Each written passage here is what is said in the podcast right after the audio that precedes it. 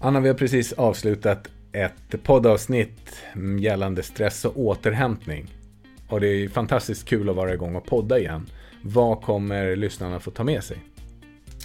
Jo, men vi tänker så här att nu är det en ny termin. Jag är alltid väldigt peppad på januari därför att det känns som att det är nya blad, rena papper, nu kör vi. Ja. Och det första man behöver då, det är ju ett vettigt upplägg, en bra plan. Mm. Och vi har pratat en hel del om, på ett peppigt sätt förstås, vad är stress och framförallt varför är återhämtning så viktigt. Vi motiverar er mm. i det här avsnittet till att verkligen ta det här på allvar. Det är viktigt. Ja, precis. Så är det verkligen. Och eh, så se till så att du sätter dig ner. Ta gärna fram penna och papper. Anteckna. Gör någonting åt det. Så kommer det bli hur bra som helst.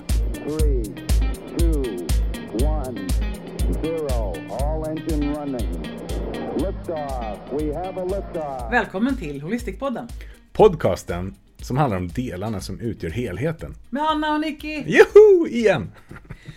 Det var ett tag sedan. Det, ja, det, det, måste man ju säga. Det var verkligen ett riktigt bra tag sedan. Och det känns ju hur kul som helst att vara tillbaka i poddandet. Mm, men det är ju så här som det blir. Livet eh, händer och det händer en massa saker och så eh, nu är vi här. Ja, precis. Och det är kanske är det vi ska prata om också sen. Ja, hur mår du idag? Just idag så mår jag faktiskt jättebra. Solen skiner, himlen är blå. Det känns som en vårdag ute. Jag har varit inne i Stockholm och eh, jobbat lite grann. Och så sitter jag här med dig. Mm -hmm. Ja, du då? Ja men bra. Eh, vi måste ju nämna då att vi har gått in i ett nytt år, 2023. Mm. Och det har bara sagt swish så var januari slut. Ja, känns det som. Verkligen. Vi kom fram till julen och det blev trevligt och sen så var det lite jullov och sen så var det nyår. Och sen började terminen, det minns jag. men du, hur började terminen för dig då? Eh, men det började bra. Ja, vi kom hem från en liten fjällsemester som, mm. som alltid så är det ju så vilsamt att vara i fjällen därför att mm.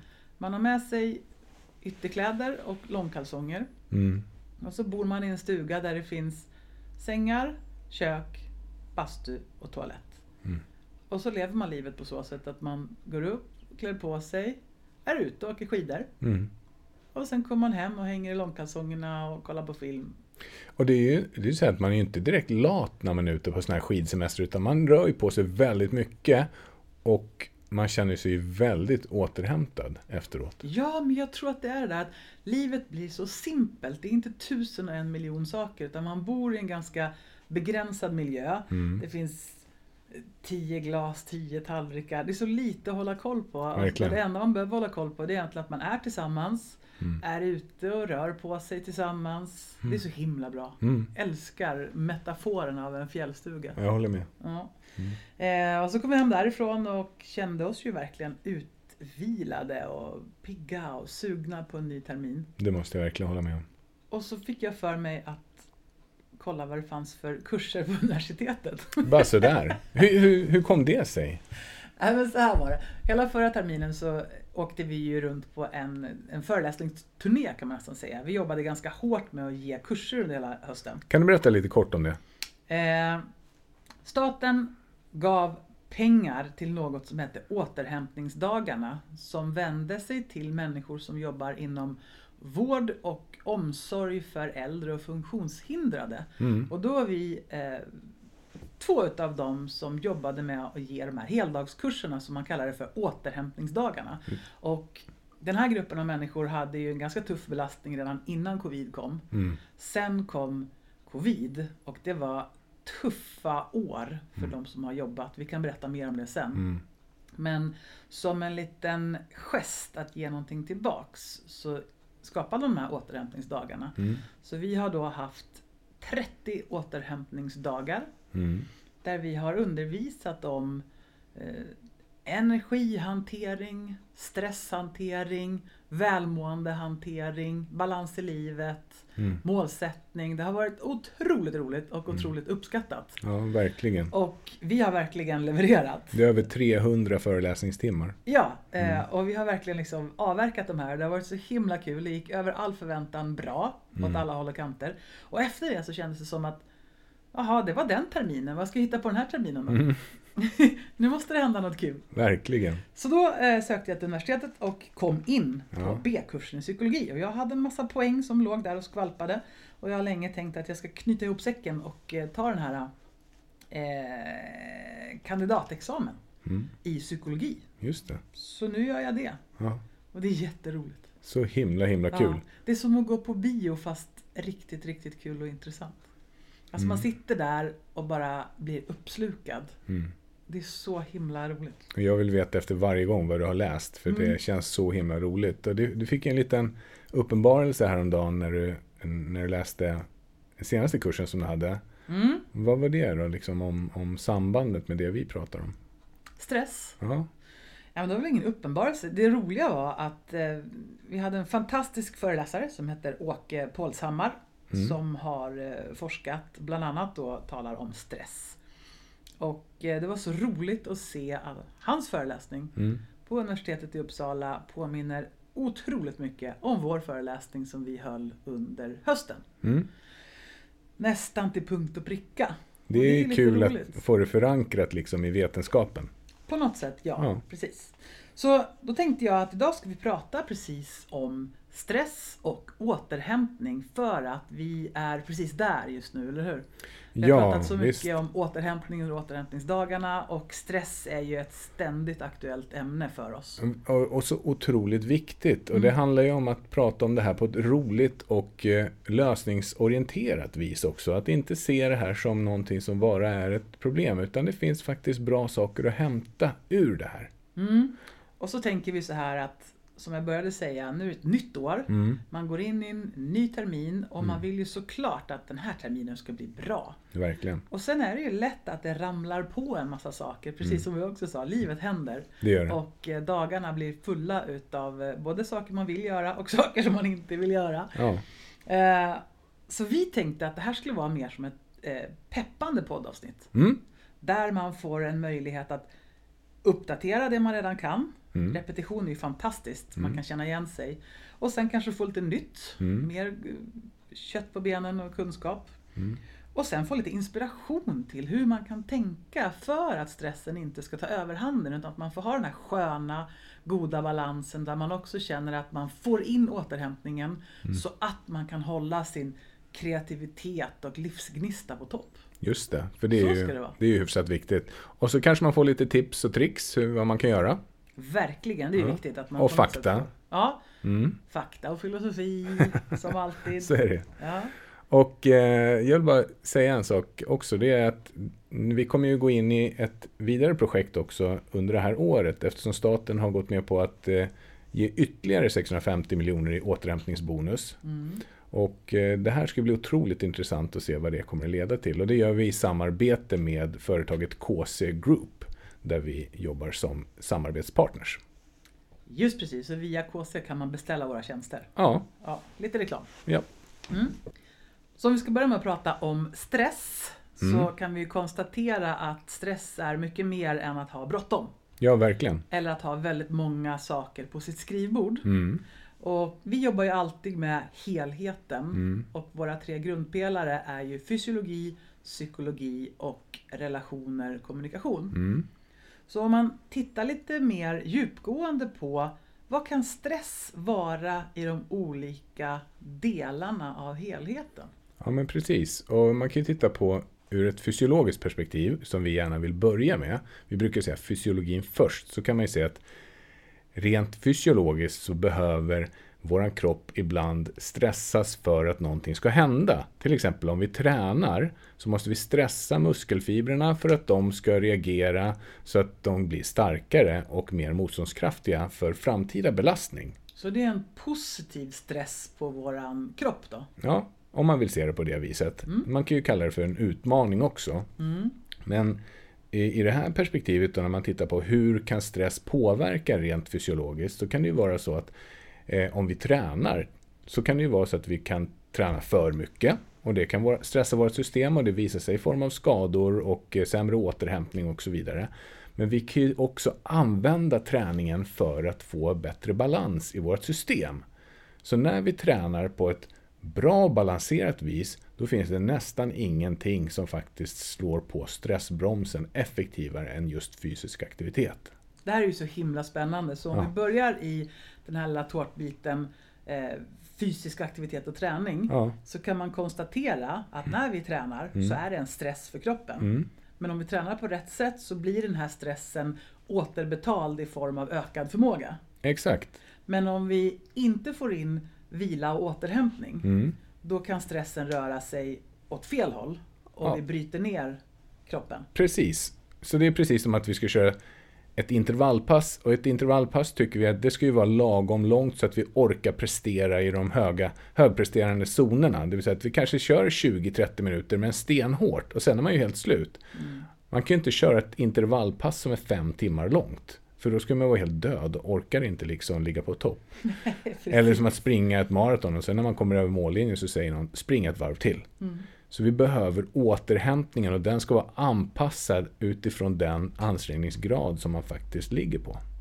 Mm. Vad intressant. Så till exempel väldigt tunga lyft i vardagen. Återrepad, återupprepade tunga lyft. Hur ska Ja. man se på det då? Menar du rent fysiskt belastningsmässigt? Ja, jag tänker att om man i sitt arbete har tunga lyft som en ingående... Ja, men då, då är ju den här klassiken då att eh, om vi tittar på vårt jobb som kliniker inom, på naprapatkliniken så är det ju så att ja, men då kanske man har en byggjobbare som säger att ja, men jag tycker att jag får träning på jobbet för att jag lyfter så mycket tungt. Jo, men det är inte hela sanningen utan då behöver man till och med mera eh, styrketräning för att faktiskt orka göra de där lyften. Därför att det blir i en prestationsmiljö vilket innebär att man inte får den ordentliga återhämtningen. Så för att orka med tunga lyft så behöver man ha en kropp som är anpassad för uppgiften. Så att belastningen inte blir så betydande. Nej. Utan att man är så pass stark så att de tunga lyften inte blir som stress. Ja, det är klart. Om du kör en Ferrari på motorvägen i 120 km i timmen så behöver du knappt nudda gaspedalen. Men om du ska köra samma hastighet på samma motorväg men i en liten Fiat 500 då måste du trycka ner gasen rätt långt. Ja, vad bra. Mm. Bra jämförelse. Sen har, Och man har ju dessutom kommit fram till att det finns få saker som är så stressreparerande och stressförebyggande som just fysisk aktivitet och träning. Men det Ja. ska vi prata mer om sen. verkligen. Sen Om vi pratar om kost då? ja, sen har vi kost och näring och då är det så här, vi kan skilja på begreppen till att börja med. Kost är ju helhets, eh, liksom begreppet, men om vi tittar på näring och energi så skiljer det ju sig. Ja, men om du en fredagkväll väljer att äta en kebabpizza med extra allt på, då kanske du får i dig 1500 kalorier i form av ganska dålig kvalitet. Eh, Så du får mycket energi med väldigt lite näring. Men om du istället äter 5 kilo broccoli, då får du inte ens i närheten av lika mycket kalorier faktiskt. Men du får otroligt mycket mer näringsämnen i dig i form av vitaminer, mineraler, enzymer och så vidare. och så vidare. Så en kombination av de här två världarna där vi äter lagom mycket av de här fetterna, proteinerna och kolhydraterna. Men sen måste vi också få i näringsämnena. Så att istället att tänka energität mat så tänker vi näringstät mat. Vi kan äta för mycket mat och det kommer stressa vårt system och det ger sig uttryck i form av till exempel övervikt. Mm. Men vi kan också äta för lite mat vilket ger sig i uttryck i form av undernäring. Det vill säga att vi inte får i oss tillräckligt mycket näringsämnen för att det går inte för att vi äter alldeles för lite. Det är så lustigt för det går liksom igenom i alla ämnen som man talar om. Mm. Att stress, det kan vara både för mycket Mm, och för lite. verkligen. Och det som verkar ge oss balans det är den där äh, guld, guld, guldlock eller vad säga. Vad hette hon med björnarna? Ja, det är väl eh, Det är guldlock. Goldilocks. Ja. Ja, Ja. där man letar efter det här som är just precis lagom. Just right. Just right. Inte för mycket, inte för Nej. lite, utan någonstans där mittemellan. Balans helt Där enkelt. verkar vi trivas. Ja. Balans. Mm. Och vad ska man då tänka sig att hela det här avsnittet ska handla om då? Jo, det handlar ju om att du ska hitta vägar till att faktiskt hitta den här balansen. Mm. Ur ett helhetsperspektiv.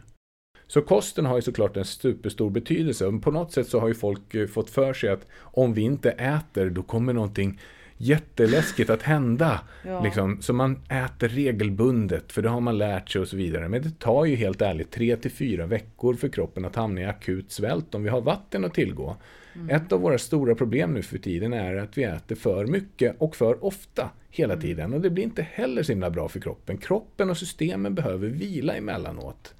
Så att äta balanserat och lagom mycket verkar vara en bra ekvation för ett eh, välmående liv faktiskt.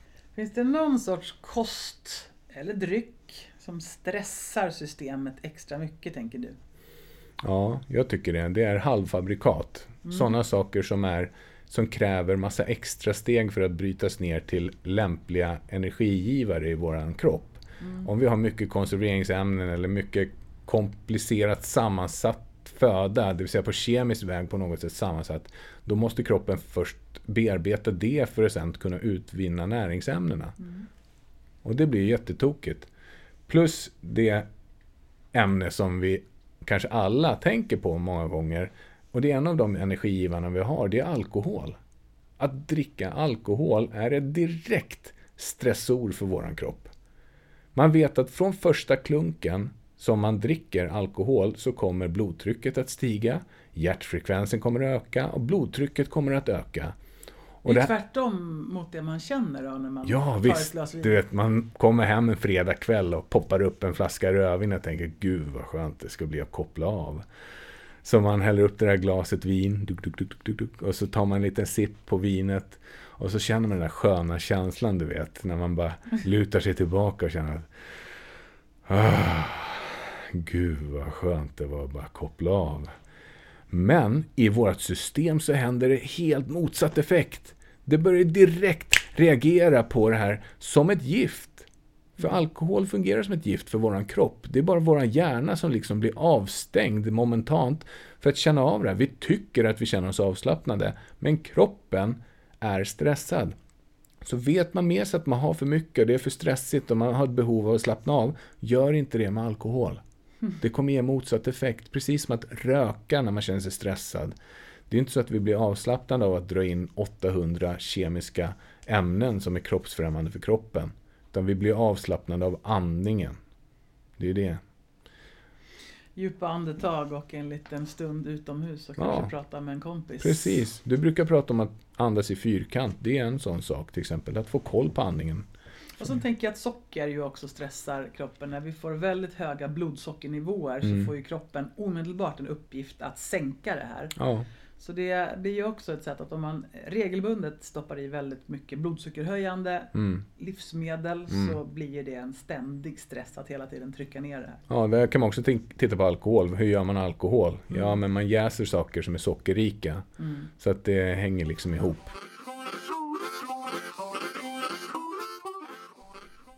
Från ett stresshanteringsperspektiv kan effekterna av alkoholkonsumtion på stress och återhämtning vara komplexa och variera stort från person till person. Å ena sidan används alkohol ofta som en form av självmedicinering för stresslindring. De initiala avslappnande och lugnande effekterna av alkohol kan göra det att det känns som om stressen minskar, men på sikt kan regelbunden eller överdriven alkoholkonsumtion faktiskt öka stressnivåerna och göra det svårare att hantera stress.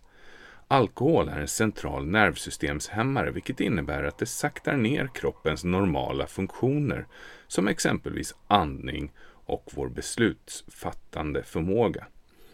Även om det här kan ha en avslappnande effekt i början försämrar det också kroppens förmåga att effektivt hantera stress. Dessutom kan överdriven alkoholkonsumtion leda till sömnstörningar, uttorkning och andra hälsoproblem som kan öka stressnivåerna ytterligare. Alkohol kan också ha negativa effekter på vår mentala hälsa och våra sociala relationer, som båda kan vara viktiga källor till stöd under stressiga perioder i livet. Alkohol kan leda till depression och ångest och andra mentala hälsoproblem. Så även om alkohol kan ge tillfällig lindring från stress kan det på sikt faktiskt göra stress och dess relaterade symptom värre. Om du söker ett sätt att hantera stress är det viktigt att överväga andra, mer effektiva stresshanteringsmetoder som till exempel träning, mindfulness och meditation, coaching, rådgivning och hälsosamma copingmekanismer som socialt stöd, hälsosamma och positiva hobbyer och fritidsaktiviteter.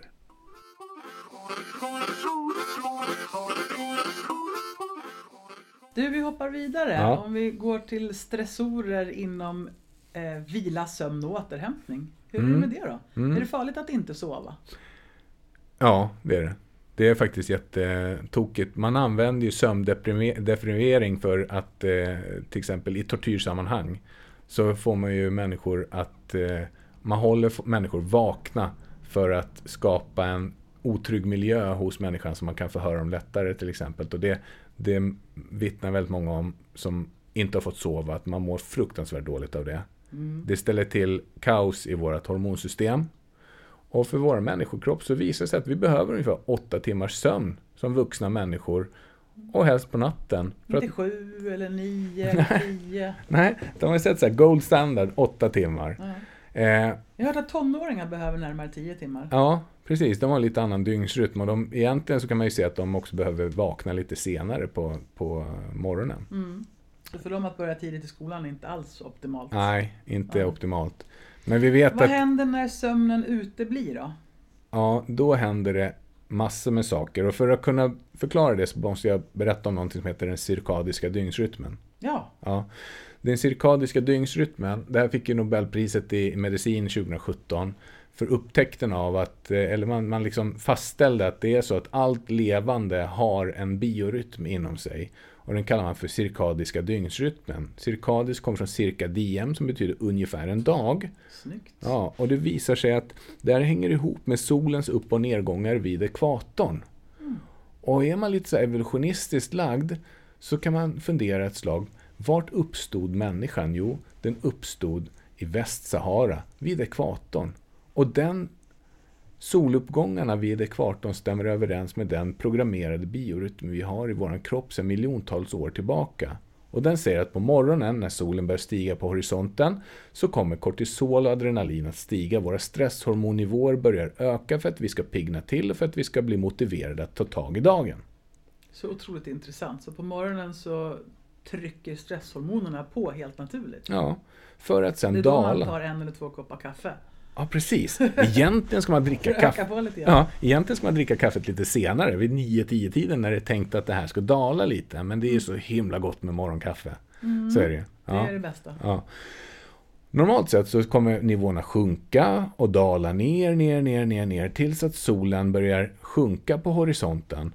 Och vid 18-19 tiden på kvällen ungefär så hamnar de så pass lågt ner så att man når ett tröskelvärde där kroppen känner, oops, pang, nu är det dags att starta produktionen av våra återhämtningshormoner och reparationshormoner, melatonin, tillväxthormon, testosteron och så vidare. Och vid 10-tiden på kvällen så är sömnhormonet melatonin så högt koncentrerat i kroppen så att vi inte har någon chans utan vi bara sluter ögonen, somnar, sover gott 8 timmar ostört och vaknar klockan 6 på morgonen efter en djup och härlig nattsömn. Ja, bra. Ja, eller? Eller? Det kanske inte är så för alla. Utan vi har ju genom år och veckor och dagar kanske piskat oss själva och stressat oss själva på massor med olika sätt. Både genom vår fysiologi, våra tankar och våra relationer. Mm. Så att vi har konstant förhöjda nivåer av stresshormoner. Och det här liksom stressade läget som vi befinner oss i gör att vår nattsömn kommer att bli störd. Vi hamnar inte i ett läge där de här reparationshormonerna kan stiga till en korrekt nivå. Och Det här kommer att göra att våra, eh, vårt hormonsvar på natten kommer att minska. Mm. Så vi får inte den mängd av de här reparationshormonerna som vi normalt sett får, utan vi kanske får 30-40% mindre. Och då kan man ju föreställa sig att det här påverkar ju hela kroppen. Därför att, Hur känns det när man vaknar? Nej men då är man ju död, i alla fall kroppsligt. Mm. Man känner sig helt sliten och slut. Mm. Och man sover en hel natt men vaknar inte utvilad. Mm.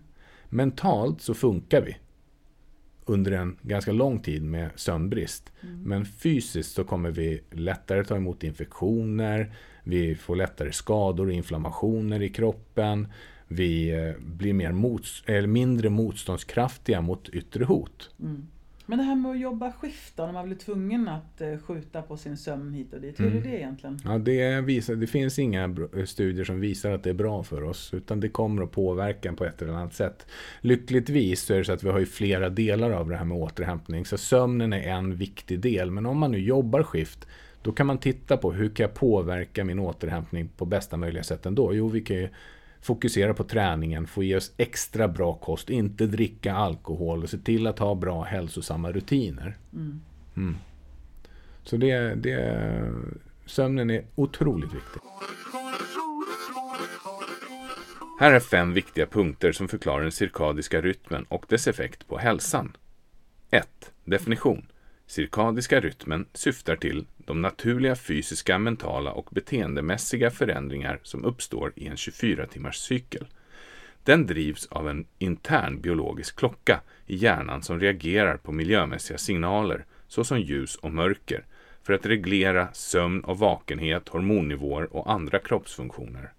2. Vad gör den och varför är den viktig? Cirkadiska rytmen hjälper till att synkronisera våra interna biologiska processer med den externa miljön, vilket främjar fysiskt och mentalt välbefinnande. När cirkadiska rytmen störs kan det leda till sömnstörningar, minskad produktivitet och ökad risk för hälsoproblem. 3. Störningar i rytmen, cirkadiska rytmstörningar, kan uppstå av olika skäl, inklusive skiftarbete, jetlag, exponering för konstgjort ljus på natten och vissa medicinska tillstånd. Dessa störningar kan störa den normala funktionen av den biologiska klockan och orsaka hälsoproblem. 4. Effekter på hälsan. Störningar i cirkadiella rytmen har kopplats till en rad hälsoproblem, inklusive sömnstörningar, depression, övervikt, kardiovaskulär sjukdom och till och med vissa cancerformer. Till exempel har det visats att exponering för ljus på natten undertrycker produktionen av melatonin, ett hormon som reglerar sömn och detta kan bidra till sömnstörningar. 5. Minska effekterna. För att främja en hälsosam cirkadisk rytm och minska riskerna som är associerade med störningar i den är det viktigt att bibehålla ett regelbundet sömnschema, det vill säga gå och lägg dig i tid och gå upp samma tid varje dag. Undvik exponering för konstgjort ljus på natten och begränsa exponeringen för elektroniska enheter innan sänggåendet. Dessutom kan exponering för naturligt ljus under dagen hjälpa till att reglera den cirkadiska rytmen och förbättra sömn och övergripande hälsa. Och vi som alltid säger fysiologi först, Mm. då har vi på något sätt kapslat in här att det finns stressorer inom både träning och aktivitet, Mm. eh, vad vi faktiskt stoppar i oss i Mm. form av mat och dryck Mm. och även hur vi väljer att vila och återhämta oss. Eh, och det finns också möjligheter inom alla de här områdena. Ja, hur tänker du då? Ja, men jag tänker att de som tränar Mm. på en hög nivå Mm. vet ju hur enormt viktigt sammankopplad prestation och återhämtning är. Mm.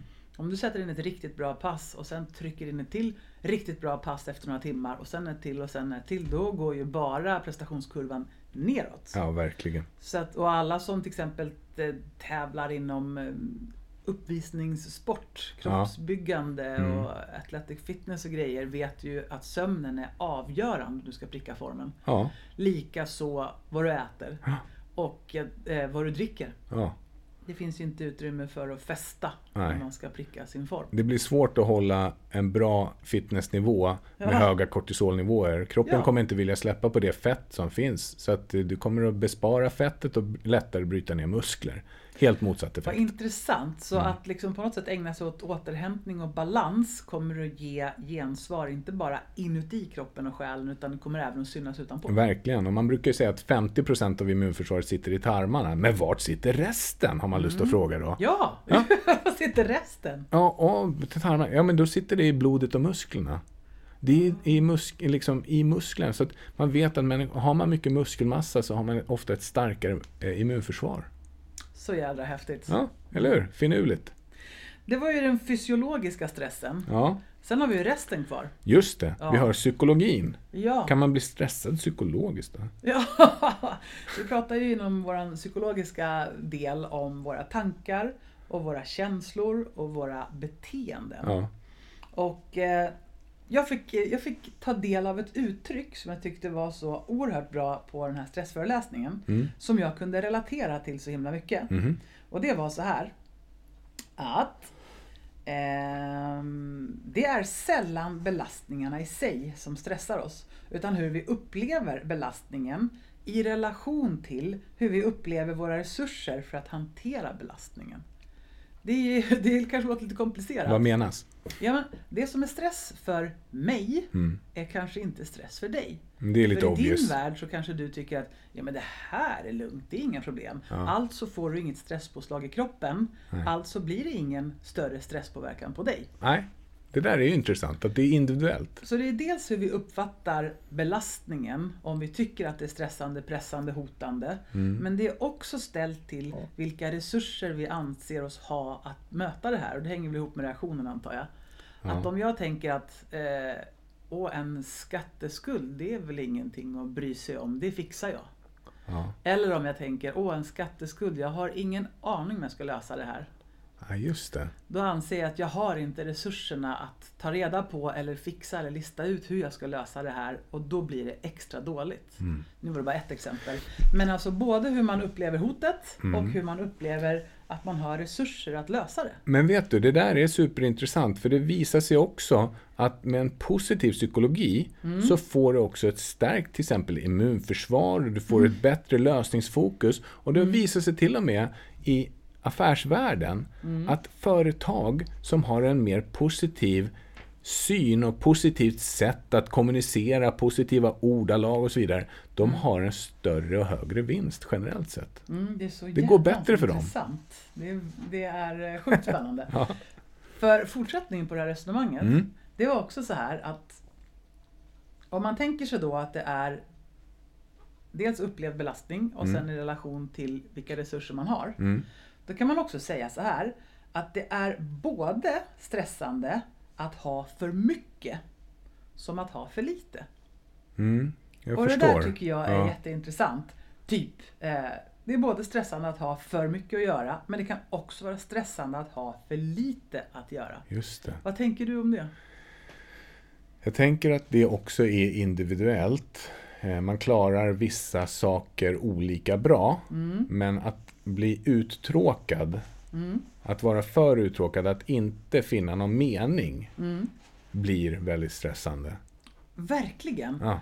Och jag tycker att jag kan stöta på både och när folk kommer till mig och vill prata om stress, balans, Ja. dåligt mående. Att det kan vara lika vanligt. Både att vara liksom överväldigad av att ha för mycket Mm. men också av att ha för lite. Mm. Och, och känna att man har väldigt mycket kraft och energi och resurser och så får man inte tillräckligt mycket att ta tag i. Verkligen. Är inte det spännande? Jo, och det, det innebär ju att vi har ett behov av stimulans och variation samtidigt som vi har ett behov av att känna lugn och ro och trygghet och visshet och sådär. Men vi måste liksom ha båda delar. Mm. Otroligt spännande. Mm. Så att det som kan stressa oss kan till exempel vara tidsbrist. Mm. Det kan också vara resursbrist. Mm. Och det kan också vara överstimulering. Alltså att man dels blir överväldigad Mm. av det som är. Men sen tänker jag på det här med överstimulering i hur vi lever våra liv nu för tiden. Informationssamhället. Liksom. Ja. Mm. Om vi backar bandet till när vi växte upp. Ja. Till exempel, som du berättade att Mm. man kunde hitta sig själv sitta på så här elskåp Mm. Vid någon husvägg. Trumma med hälarna mot metallen. Och trumma med hälarna mot metallen och vänta Ja. på att se, kommer det någon? Kommer det någon kompis snart eller ska det hända något kul här? Jag tänker att den här dödtiden, ställtiden och mellanrumstiden i stort sett är borta. Och vet du vad, när du berättar det så kommer jag att tänka på att jag fick min första klocka. Jag åkte till specialcentrum med pappa och brorsan i det som heter Slakthusområdet nu i Stockholm. Och så köpt, fick jag min första Casio-klocka. Och det var i femman.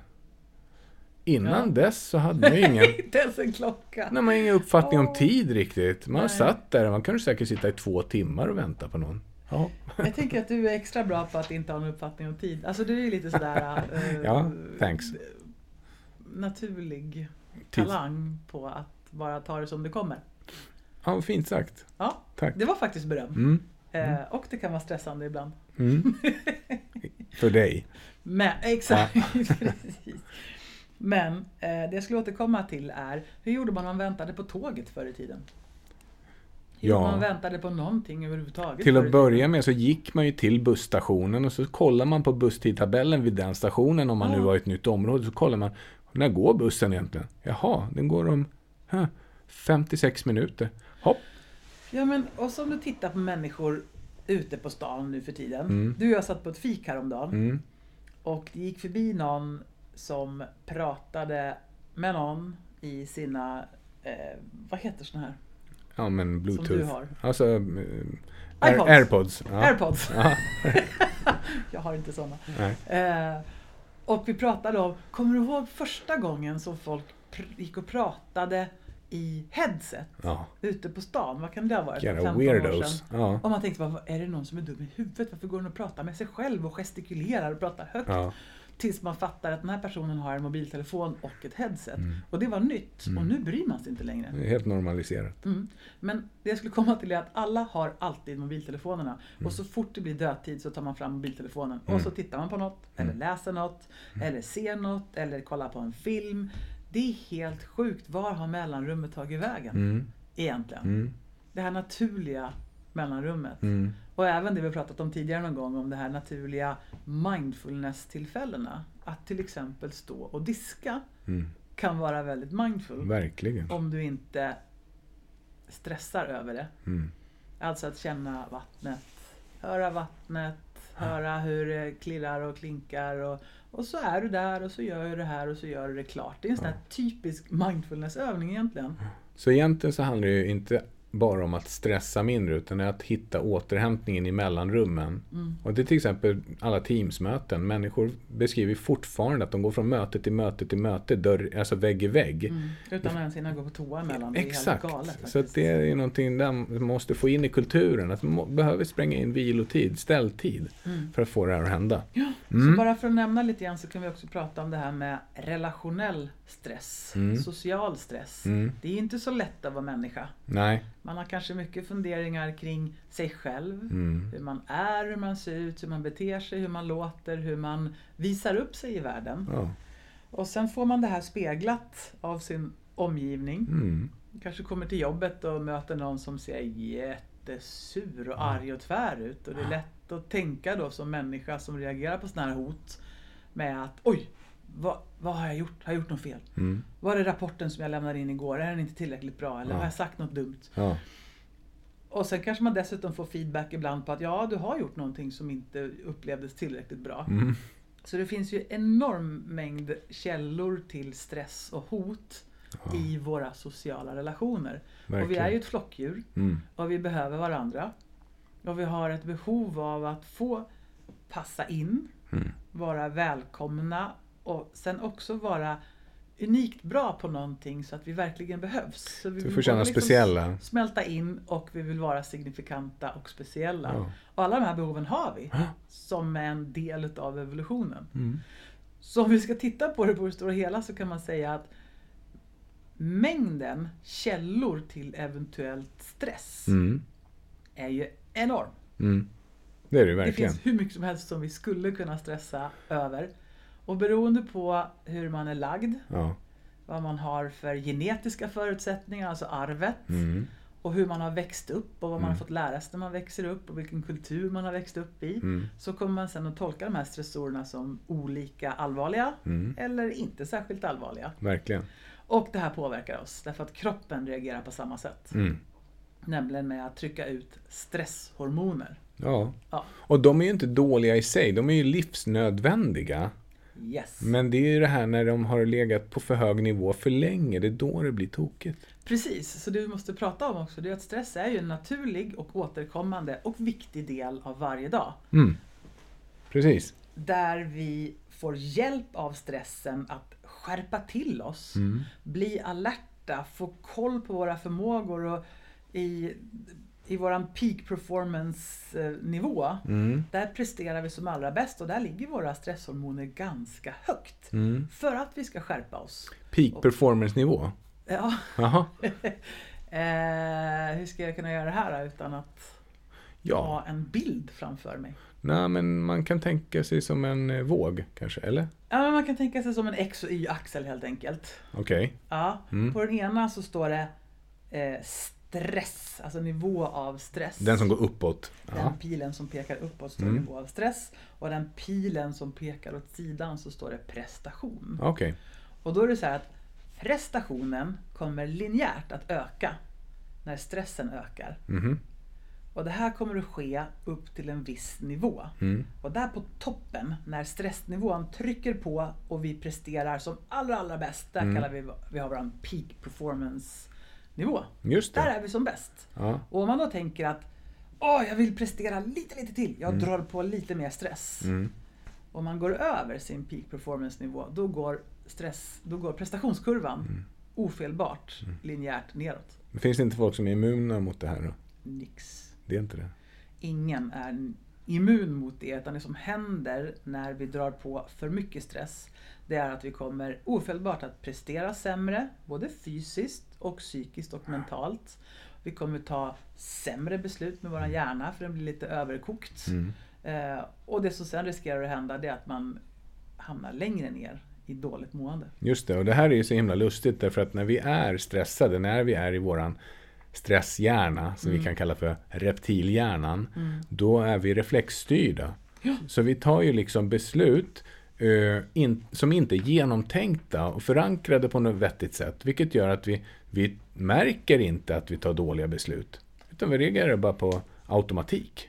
Precis, så när man egentligen skulle behöva ta ett beslut om att nu behöver jag vila för det är alldeles för mycket. Så tar de flesta precis fel beslut och tänker nu lägger jag i en växel till. Jag har inte tid att träna för jag har så mycket att göra. Jag ska bara avsluta det här och jag orkar inte riktigt träffa mina vänner som jag brukar göra så jag tar bort det för jag har lite mycket just nu. Jag ska bara öka lite till för jag har så mycket att göra. Ja. Och där tar man då bort alla friskfaktorerna och jobbar sig vidare neråt. Mm. Det roliga är den här stressprestationskurvan som är fantastisk. Man kan googla på det om man vill. Mm. Det är att medan vi är på väg uppåt i prestationskurvan, då flödar det såna här belönande hormoner i vårt system. När vi strävar mot prestation, då kommer vår hjärna att frisätta saker som dopamin och noradrenalin, alltså sådana saker som gör att vi tycker att det känns lite nice. Ah. Men när vi sen tippar över Mm. och får för mycket stress, då är det just precis stresshormoner som flödar ut i systemet. Kortisol. Ah. Så på väg till, alltså i den positiva prestationen, Mm. när vi känner oss motiverade och liksom på gång och fokuserade, Mm. då blir vi belönade med ruschar av sk- skönhormoner. Exakt. Ja, Och det är ju så vår hjärna funkar alltid. Vi blir belönade av att initiera och planera och sträva. ja, det är därför vi mår bra av att eh, följa upp på mål. Exakt, men det är därför det är också lite knivigt därför att då är det lätt att få för sig att det här var härligt, jag gör lite mer av det här. Ja, Och många människor är ju väldigt fast i det här presterandet. just det. Lite kaka på kaka. Ja, precis. Man vill prestera och prestera och prestera för det känns ju så bra. Men till slut så gör det inte det. Mm. Exekutiva funktioner är en uppsättning kognitiva förmågor som gör det möjligt för oss att planera, fokusera vår uppmärksamhet, komma ihåg instruktioner och hantera flera uppgifter samtidigt. De här funktionerna är belägna i frontalloben i hjärnan och ansvarar för att reglera vårt beteende och våra känslor. Stress kan ha en avgörande påverkan på hjärnans exekutiva funktioner. Kronisk stress kan försämra vår så kallade kognitiva flexibilitet, det vill säga förmågan att snabbt skifta mellan olika uppgifter, vårt arbetsminne, till exempel att minnas ett telefonnummer som du precis har hört, och våra beslutsfattande förmågor. När vi befinner oss under stress frigör kroppen hormonet kortisol som kan störa funktionen i prefrontala cortex, den delen av hjärnan som är ansvarig för våra exekutiva funktioner. Det här kan leda till svårigheter att fullfölja och avsluta uppgifter, att lösa problem och fatta beslut. Från ett holistiskt perspektiv är det avgörande att förstå den här påverkan av stress på våra exekutiva funktioner för att säkerställa att man kan fungera på bästa sätt. Från ett holistiskt självledarskapsperspektiv är det viktigt att förstå hur stress påverkar våra exekutiva funktioner i hjärnan och hur de här kan påverka ens egna personliga effektivitet och beslutsfattande förmåga.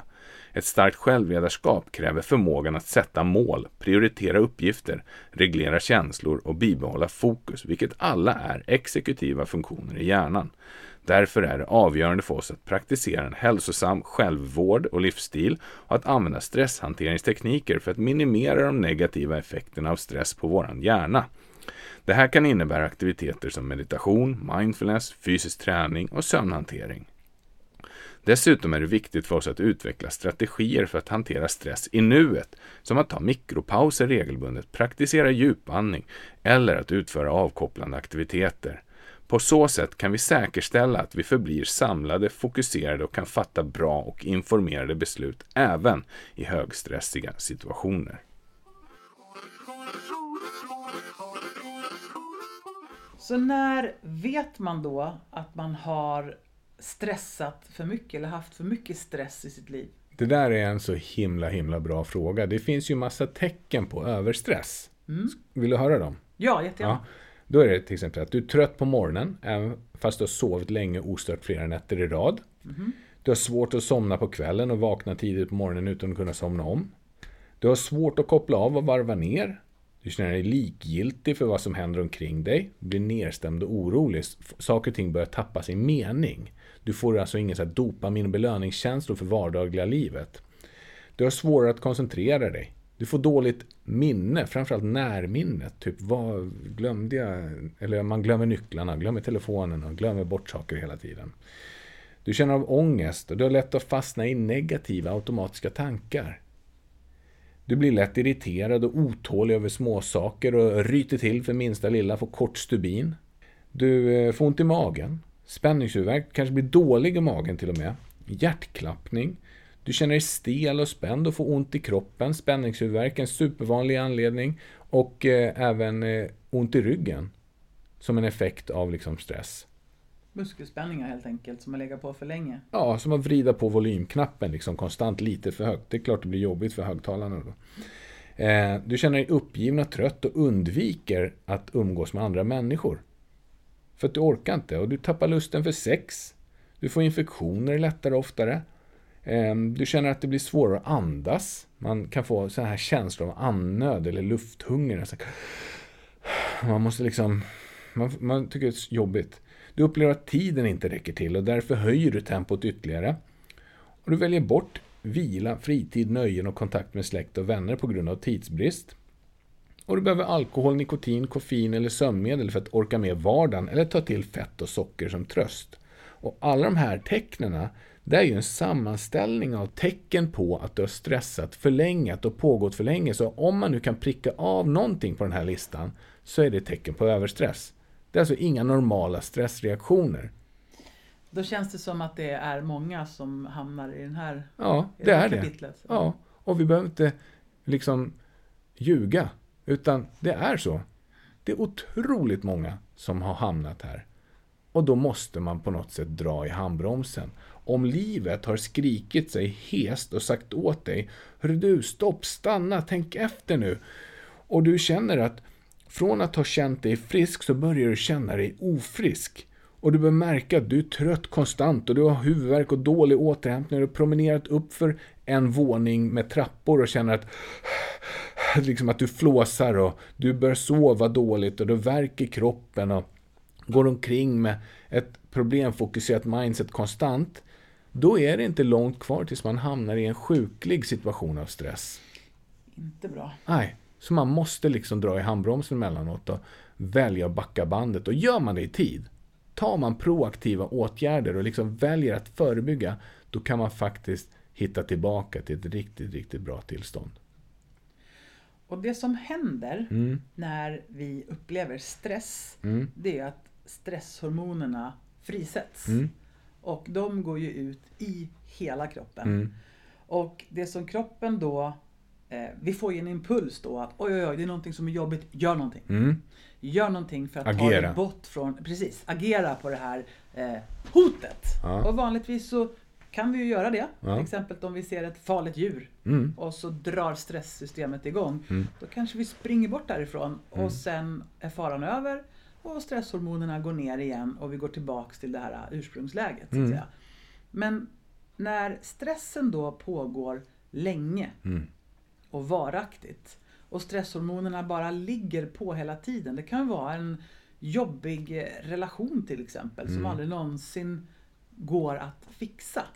Mm. Så att vi har ständigt bad av stresshormoner för Mm. till exempel hjärnan. mm, Det som händer då, det är att bland annat har man sett hippocampus Vad är det? Som har, det, är en, det är ett område i hjärnan som Mm. bland annat har väldigt mycket med minnet att Mm. göra.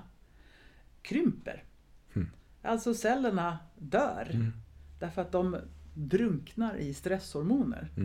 Det som däremot händer samtidigt är att amygdala, våran reptilhjärna, den som larmar och drar igång hela Ja. stresssystemet i kroppen, blir större. Helt otroligt. Så det är en jättedålig balans av att hippocampus krymper och minnet försämras. Reptilhjärnan eh, ökar i storlek och framförallt i intensitet. Vår känslighet för hotsituationer ökar.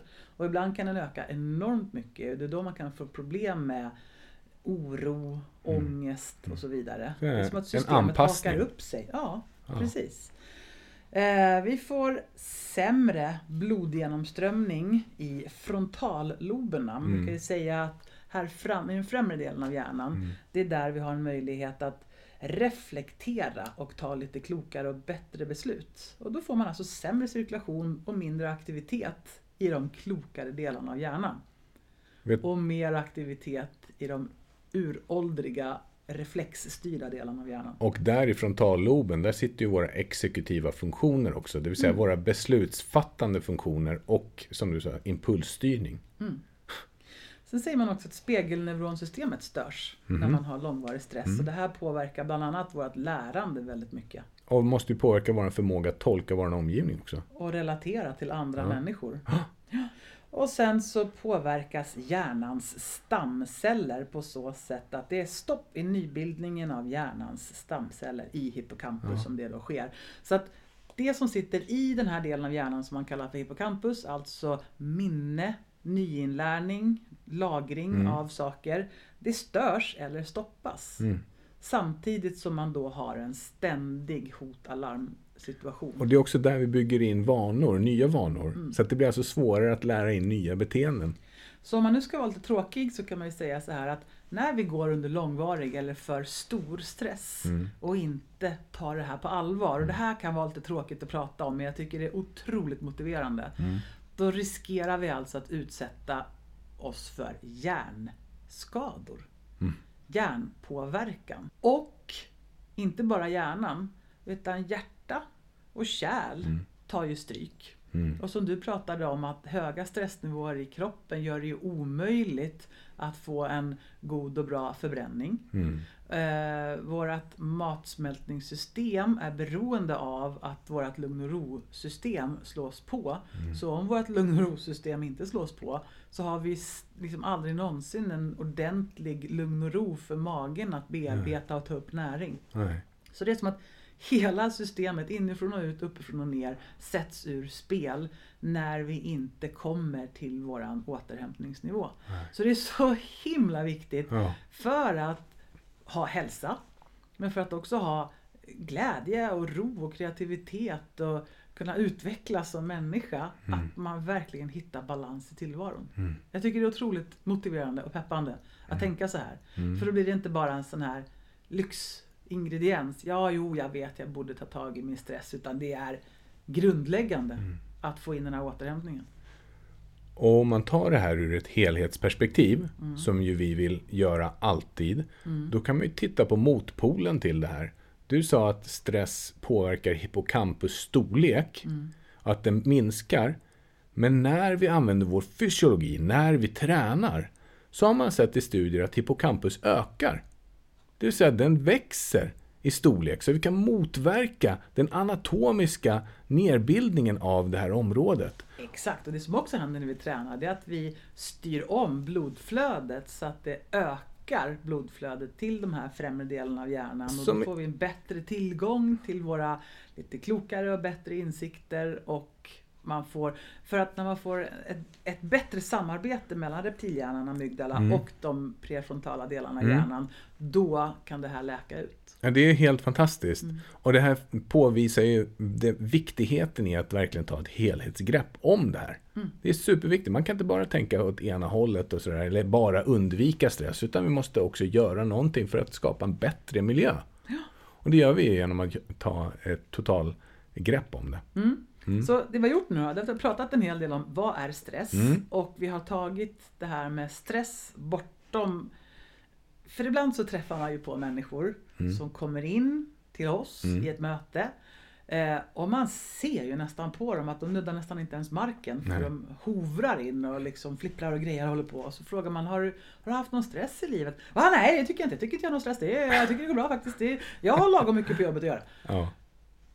Alltså att man tänker att stress ska vara att ha mycket att göra på jobbet. Ja. Att ha stora högar på skrivbordet. Men det är ju så otroligt större begreppet stress. Så nu har vi pratat om det. Mm. Eh, och jag tror att det är väldigt allmängiltigt. Jag tror att alla människor har stressorer i sitt liv. Mm. Och förhoppningsvis så känner man väl av om det är för mycket eller om det ligger på en hyfsat hälsosam nivå. Mm. Men sen har vi pratat om, vi har inte pratat tillräckligt mycket om vad återhämtning kan vara. Nej. Nej. Åt- Så om vi börjar där då. Ja, nej, men återhämtning är ju att titta på de saker som stärker vårt system på ett eller annat sätt. Och det, Ja, men efter prestation, mm, när man har tryckt upp i Mm. prestation, Mm. så måste ju någon sorts nedgång komma. precis. Som kan vara reflektion, meditation, Motion, motion. vila. Mm. Och det, det är ju den här ställtiden. Mm. Det är så att vi behöver göra det regelbundet. Och missen som många människor gör, det är kanske att de tänker att ah, men jag ska bara jobba på tills jag får semester. Så här.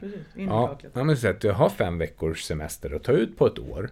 Och så jobbar folk otroligt mycket. Eller så kanske händer andra saker i livet som är jobbiga. Det måste inte vara jobbrelaterat.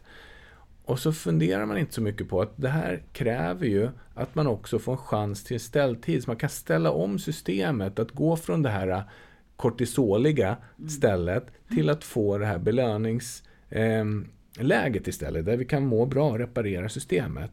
Och vi brukar prata om vikten av att leva randigt. Mm. Om man tänker sig en streckkod som man skannar av på, i butiken. Precis som en sån behöver dagen se ut. Så att om vi börjar på morgonen med att bara jobba hela vägen från klockan åtta till klockan fyra och jag hoppar över lunchen och struntar i att ta någon form av återhämtning. Då räcker det inte med att vi bara kommer hem. För hemma så har vi sen våra vardagliga göromål som vi måste göra. Och det blir liksom ingen tid till ställtid. Utan vi behöver regelbundet prestera och sen reflektera och stanna upp, prestera, stanna upp, prestera och stanna upp. Jag pratade med en klient igår som sa att ja, jag har fått massor gjort och jag har liksom jobbat i block. 40 minuter på, 10 minuter av. 40 minuter på, 10 minuter av. Och det är himla smart. För då kan man hålla ett jättehögt tempo över hela dagen och ändå känna att man håller ihop som människa. Jag kör 45-15. Ja, Det precis. funkar jättebra. Även på våra återhämtningsdagar så höll vi stenhårt på 45 minuter Ja, på och så 15 minuter av. precis. Därför att man behöver tid. Hjärnan behöver ju tid till att liksom återhämta sig. Mm. Mm. Så en sak som blir viktigt då, det är att man skapar sig lite lugn och ro. Mm. Och det kan ju nästan vara provocerande för vissa människor. Mm. Eh, jag tänker spontant på om man både då kanske har jobb Mm. och barn Mm. och lite annat som man behöver ägna sig åt. Mm. Det är inte lätt att skapa fram det där lugn och ro alltid. Nej. Hur ska man göra då? då? Ja, Hur ska man göra då? då? Ehm, ett, en bra definition på lugn och ro, det är ju kravlös tillvaro. Alltså Jaha. att det är kravlöst. Vad ska man göra då? Men då Ja, kan vi för flytta vissa ut. personer så kan ju lugn och ro vara, det här har vi pratat mycket om, Ja. men sätt dig i soffan och ta det lugnt. Ja.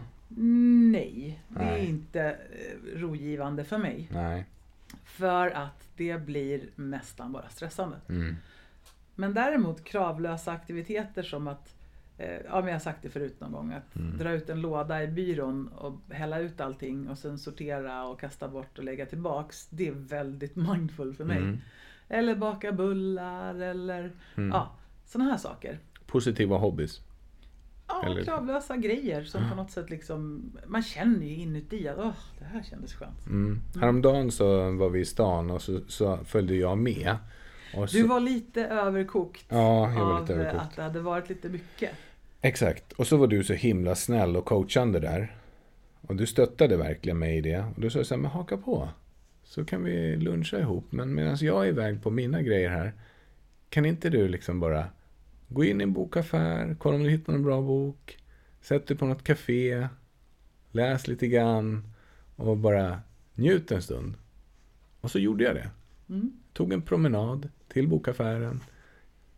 Hittade några bra böcker. Satte mig på ett café. Köpte in en dubbel espresso. En mineralvatten. Och så bara bläddrade i en bok och la undan telefonen.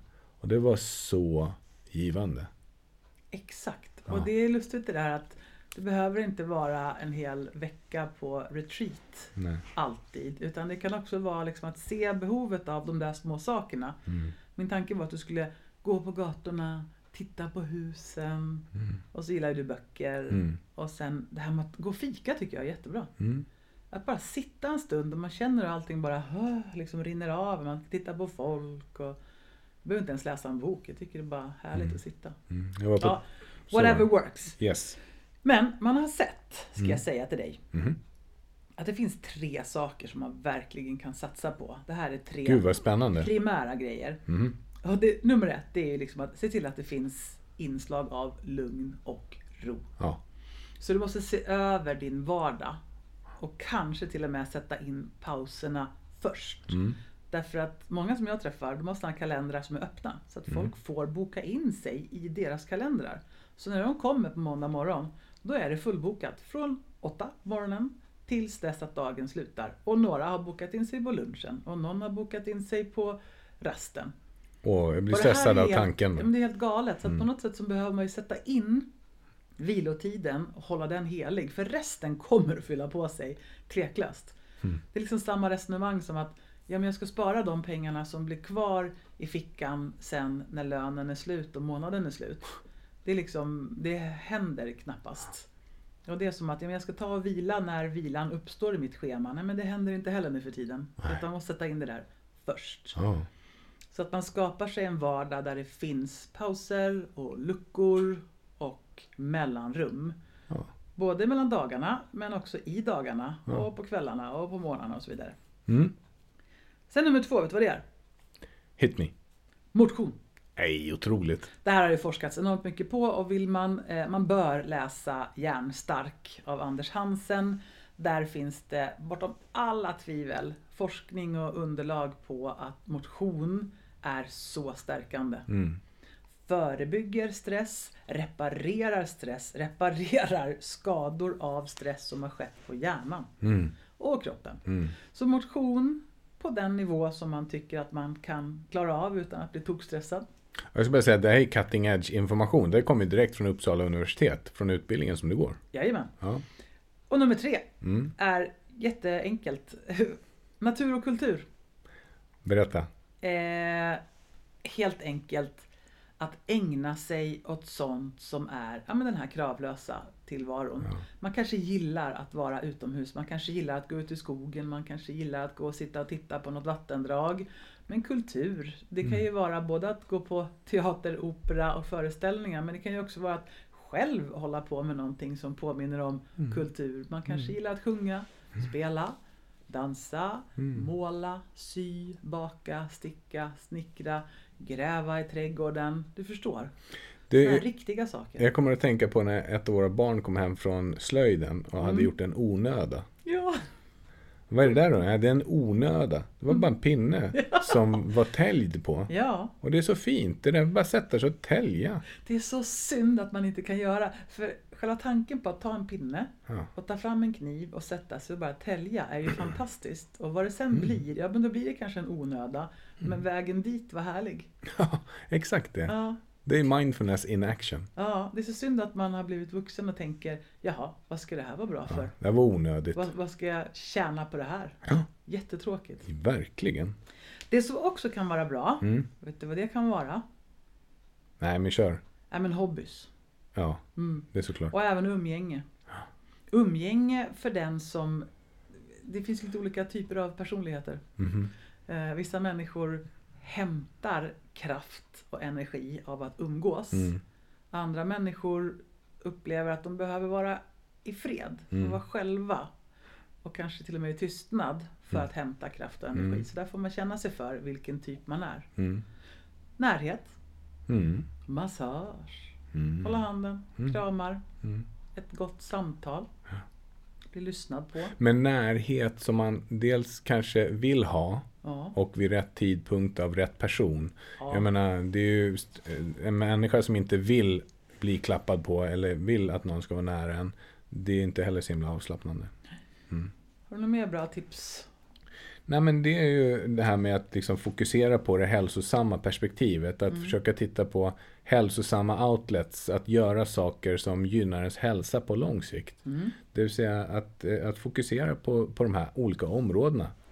Sömnen, motionen, vilan, näringen, eh, relationerna, relationen till dig själv. Och eh, att du har en förståelse för helheten. Att dina tankar påverkar dina känslor som påverkar dina beteenden och så vidare. Mm. Det är superviktigt att inte ta så lätt på det utan titta på vad kan, vi, vad, vad kan jag kontrollera? Vad ligger inom min kontrollzon? Det är det som du kan påverka direkt. Mm. Och eh, gör du det så kommer du också kunna må bättre på sikt. Och det går ganska fort när man väl har börjat göra saker åt rätt håll. Ja, och jag tänkte komma till det faktiskt. Därför Mm. att en del av stress och dåligt mående är ju ältande. Mm. Man kan älta över saker och en sak som alla är överens om det är att ältande leder absolut ingen vart. Nej. Det skapar otroligt mycket dåliga känslor och påslag i kroppen Mm. men det löser ingenting. Nej. Så då brukar man säga att motsatsen till ältande det är problemlösning. Mm. Alltså, okej, jag har ett problem. Mm. Vad är det för någonting? Hur kan jag lösa det? Spåna lösningar. Välj en av lösningarna. Sätt den i verket Mm. och steg nummer fem, utvärdera. Är mitt problem nu löst? Bra! Klart! Mm. Behöver inte älta något mer. Nej. Men mitt sjätte och sista tips skulle ju vara just precis det här. Ta tag i saker, skjut inte upp saker. Låt inte delar av ditt liv bli ett ständigt ältande som äter upp dig.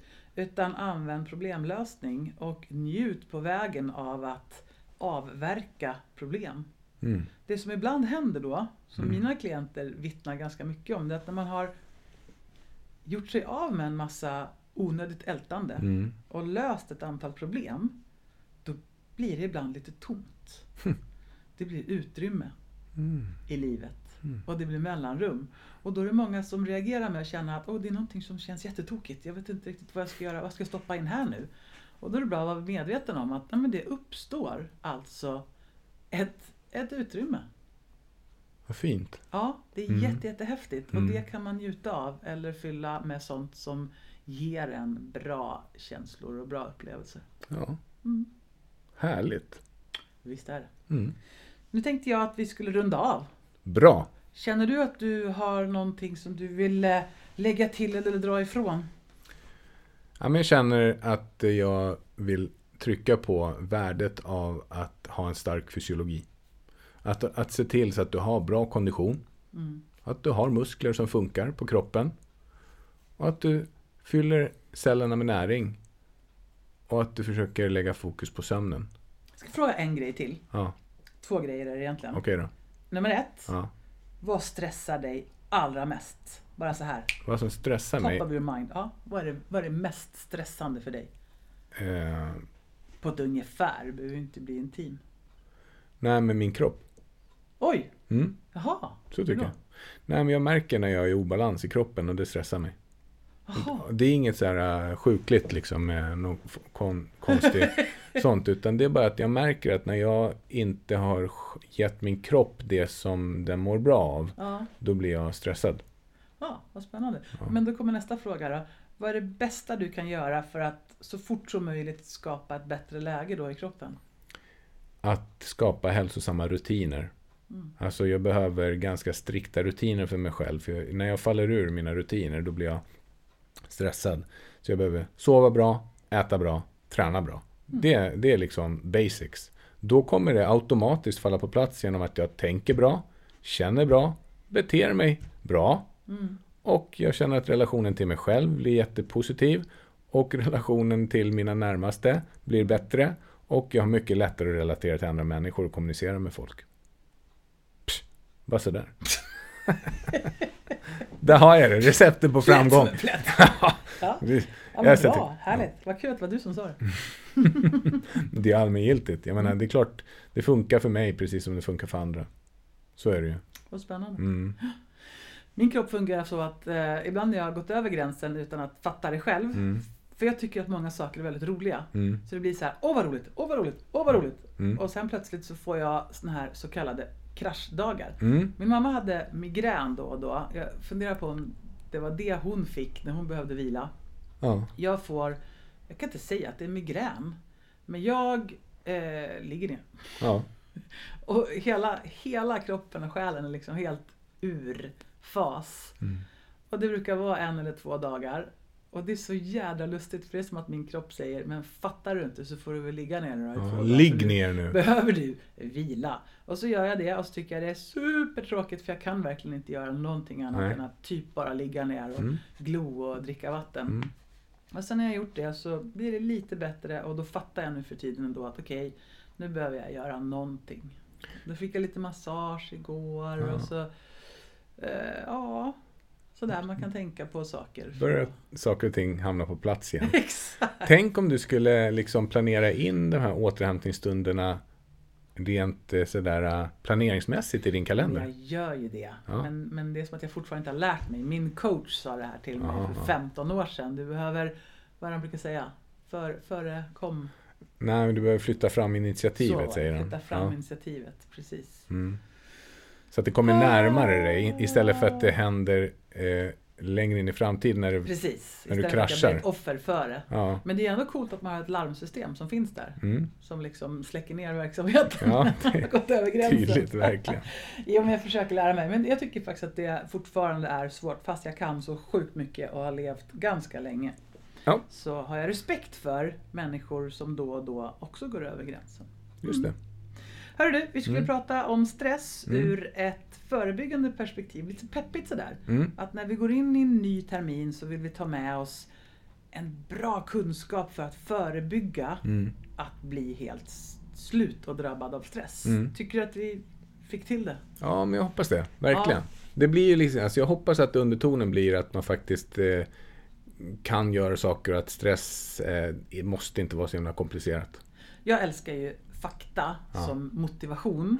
Och vi, vi föreläste en hel del om motivation. Mm. Och motivation det uppstår ju egentligen i sig utav stress. Mm. Så när man får höra om vilka jädra dåliga följder stress har i kroppen, då tycker jag att det är motiverande. Mm. Så den informationen motiverar mig att skapa balans i livet. Mm. Du då?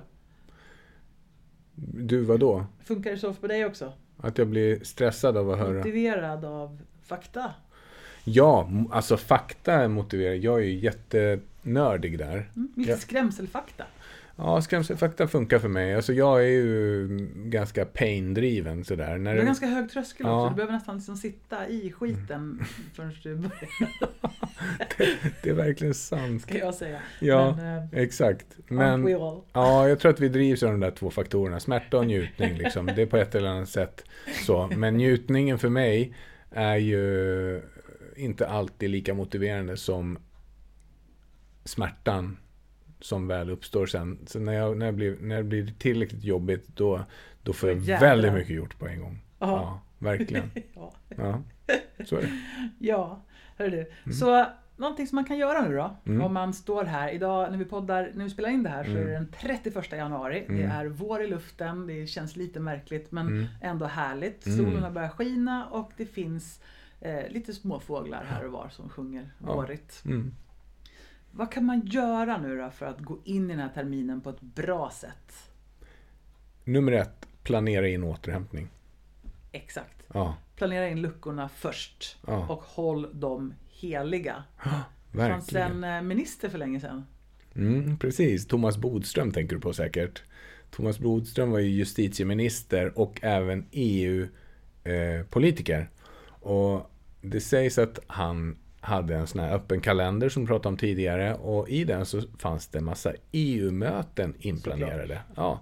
Och alla visste ju att när Thomas Bodström är på EU-möte då får ingen störa honom. Det var liksom, man fick inte störa honom under. Han var, han var tvungen att få lämnas i fred. Och sen gick åren så hörde jag en intervju med honom och så frågade de Thomas, du Thomas, hur var det egentligen med de där EU-mötena som du hade inplanerat i kalendern? För det var ganska många varje vecka. Och då sa han så här, jo men det var bra med de där EU-mötena för att det var ju så här att det var ingen som frågade vad EU stod för. Nej, nej, vad stod EU för då? Ja, det stod ju för egna ungar. Och det tycker jag är så himla finurligt. Så han hade ju bokat tid för att kunna umgås med sina nära och kära. Mm. Exakt. Och det är så man behöver tänka. Vad behöver jag boka in för att må så bra som möjligt i min för övrigt uppbokade kalender i livet? Och det behöver inte heller vara egna ungar, tänker jag, utan det kan också stå för eget umgänge. Egen tid. Ja, Ja. alltså respekt och balans för sig själv Ja. på något sätt.